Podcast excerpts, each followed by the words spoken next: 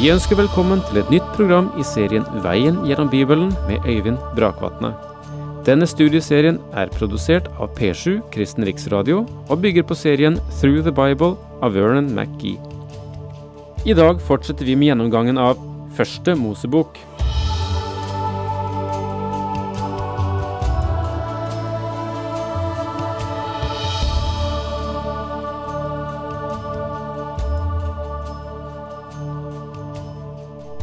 Nå håper jeg du har funnet frem din bibel igjen, og vi er kommet til det 40. kapittel i Første Mosebok, altså kapittel 40.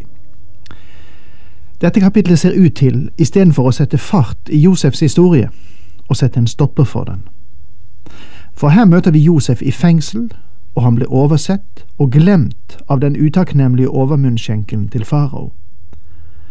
Vi kan spørre oss selv hva alt dette betyr får jeg si at alt dette fremmer Guds plan og hensikt i Josefs liv. Det vil vi få se når vi går inn i dette kapitlet. I kapittel 37 startet vi en sammenligning mellom Josef og den Herre Jesus.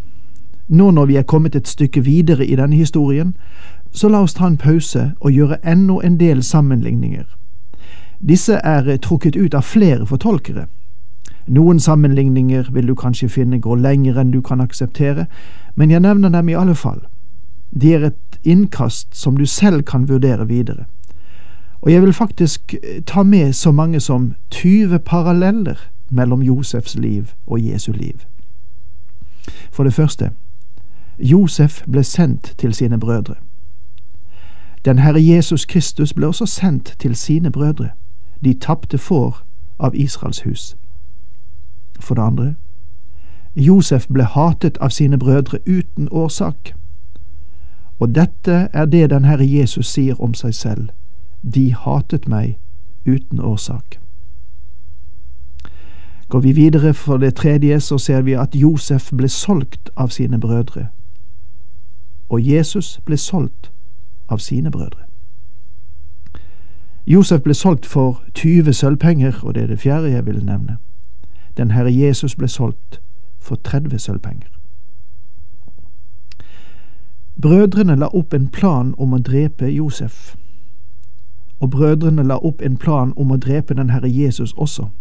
Han kom til sitt eget, men hans egne tok ikke imot ham. For det sjette vil jeg si, Josef ble kastet i en brønn som var ment å bety døden for ham. Den Herre Jesus ble korsfestet. Og for det syvende, Josef ble tatt opp av den brønnen. Den Herre Jesus ble reist opp fra døden på den tredje dag. Og for det åttende, Josef adlød sin far. Den Herre Jesus var lydig mot sin far i så stor grad at han kunne si at han alltid gjorde det som behaget hans far. Ni. Josefs far hadde sendt ham for å oppsøke sine brødre. Og vi blir fortalt at den Herre Jesus Kristus kom for å gjøre sin fars vilje da han kom for å søke sine brødre. Josef ble spottet av sine brødre, forteller Skriften. Da de så ham komme, sa de, se der kommer denne drømmeren. Den Herre Jesus ble spottet av sine brødre også. Da han hang på korset, sa de, om han er Kristus, så, så la ham stige ned fra korset.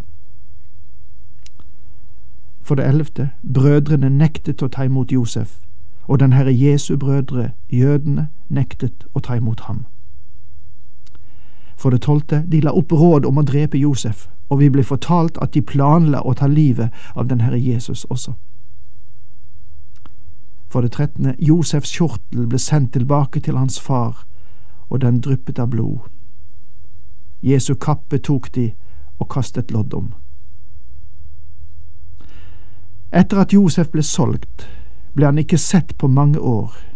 Kristus vendte tilbake til himmelen, han sa til sine disipler at de ikke skulle se ham igjen før han vendte tilbake i herlighet. Og for det femtende, Josef ble fristet av verden, kjødet og djevelen, og han sto imot. Den Herre Jesus ble også fristet av verden, kjødet og djevelen, og han vant seier. Får vi ta med ennå fem sammenligninger til. Altså, Josef ble en frelser for verden under sin epoke, fysisk sett, ved at han reddet dem fra sultedøden. Den Herre Jesus Kristus er på alle måter hele verdens frelser. Og for det syttende, Josef ble hatet av sine brødre, og de overga ham til hedningene. Han kunne ikke forsvare seg selv og ble urettferdig dømt. Jesus ble også overgitt av sine egne til de religiøse lederne, som i sin tur overga ham til hedningene. Han var uskyldig. Og for det andre, Pilatus trodde ikke anklagene som ble ført mot Jesus. Han fant at han var uskyldig, men likevel lot han ham piske. Og Josef måtte lide, selv om Potifar antagelig visste at han var uskyldig. Potifar måtte bevare fasaden for farao på samme måte som Pilatus måtte berge ansiktet for Cæsar. Og for det nittende, fangevokteren fattet godhet for Josef. Og i Jesu tilfelle sa den romerske legionær om ham, sannelig, denne var Guds sønn. Og så tar vi med til sist. Josef ble regnet blant overtredere. Han var en velsignelse for munnskjenken og en dom for bakeren. Den Herre Jesus ble korsfestet mellom to røvere, den ene ble dømt, og den andre ble velsignet. Og i det kapitlet vi har for oss nå, vil vi begynne å se hvorfor det var Guds vilje at Josef var i fengselet ved denne tiden. En tid etter hendte det at munnskjenken og bakeren hos kongen i Egypt gjorde seg skyldige i en forseelse mot sin herre egypterkongen. Da ble farao harm på de to hoffmennene sine over munnskjenken og bakermesteren. Han satte dem i forvaring hos sjefen for livvakten, i fengselet der Josef var fange. Og det var ingen tilfeldighet. Hva avslører dette? Ja, det avslører i alle fall den forferdende og diktatoriske makt som egypterkongen hadde. Jeg vet ikke hva bakeren gjorde eller hadde gjort, kanskje han brente frokostrundstykkene. For en liten detaljs skyld satte farao ham i fengsel. Hva gjorde munnskjenken, da? Kanskje han skulle gi farao et glass vin, snublet og spilte noen dråper på det persiske teppet, ja, jeg vet ikke. Det blir ikke fortalt oss hvorfor både bakeren og munnskjenken var i fengsel, men det viktige er at de er der Josef er. Josef har hatt et godt omdømme, selv her i fengselet. Overalt der han kom, la folk merke til hans fremstående egenskaper. Hva er det det står i ordspråkene? Gaver åpner vei for mann og fører ham fram for de store. Dette var sant om Josef, og Gud fører ham frem gjennom livet med en meget bestemt hensikt. Sjefen for livvakten satte Josef til å passe på dem, og han var deres trofaste tjener.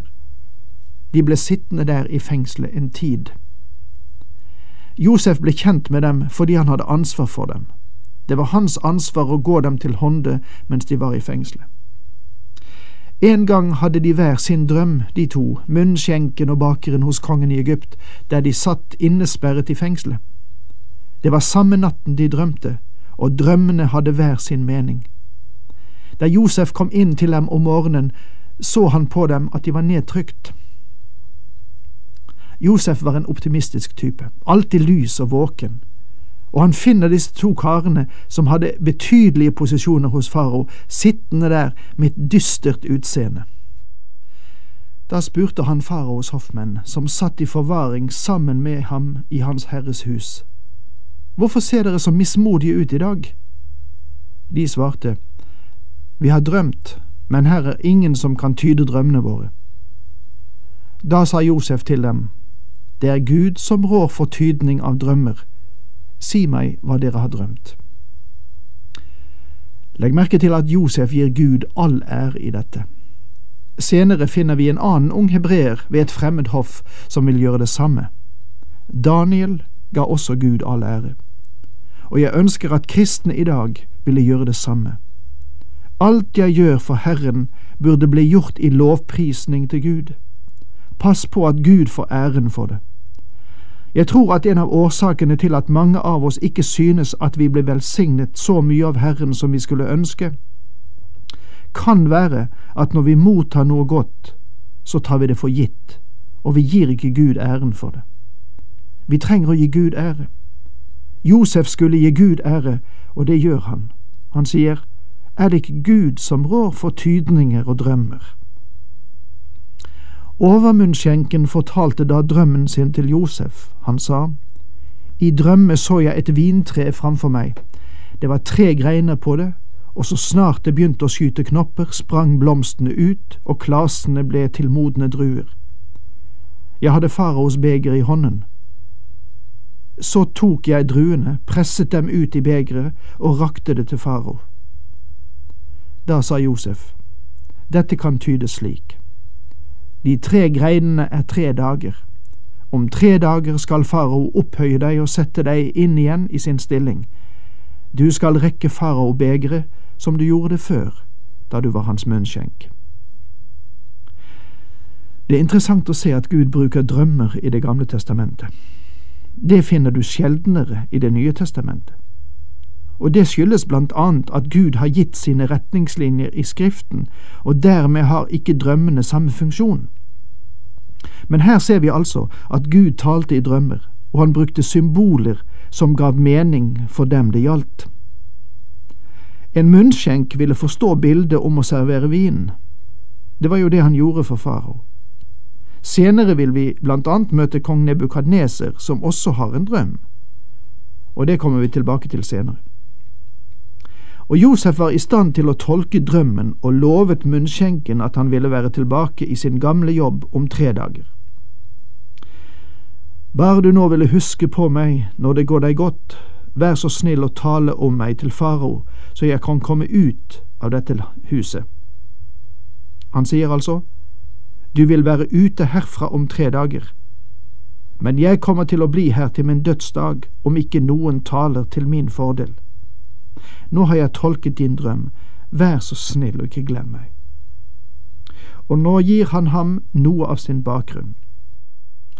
For jeg er stjålet fra hebreerlandet, og her har jeg ikke gjort noe som de kunne sette meg i fengsel for. Selv om det ikke er gjengitt her, så lovet sannsynligvis munnskjenken at han ville tale Josefs sak for farao.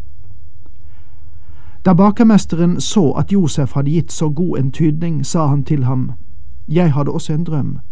Jeg syntes jeg bar tre kurver med hvetebrød på hodet. I den øverste kurven var det all slags bakverk til faraos bord, men fuglene åt det av kurven på mitt hode. Symbolene i bakerens drøm er meningsfulle for ham.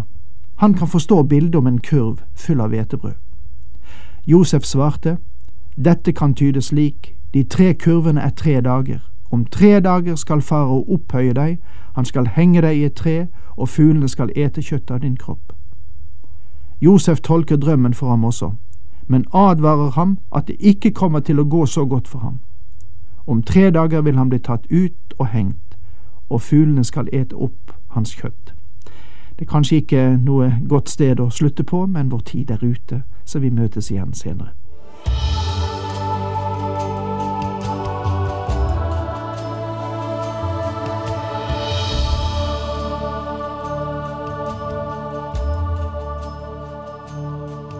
Du hørte Øyvind Brakvatne i studieserien Veien gjennom Bibelen.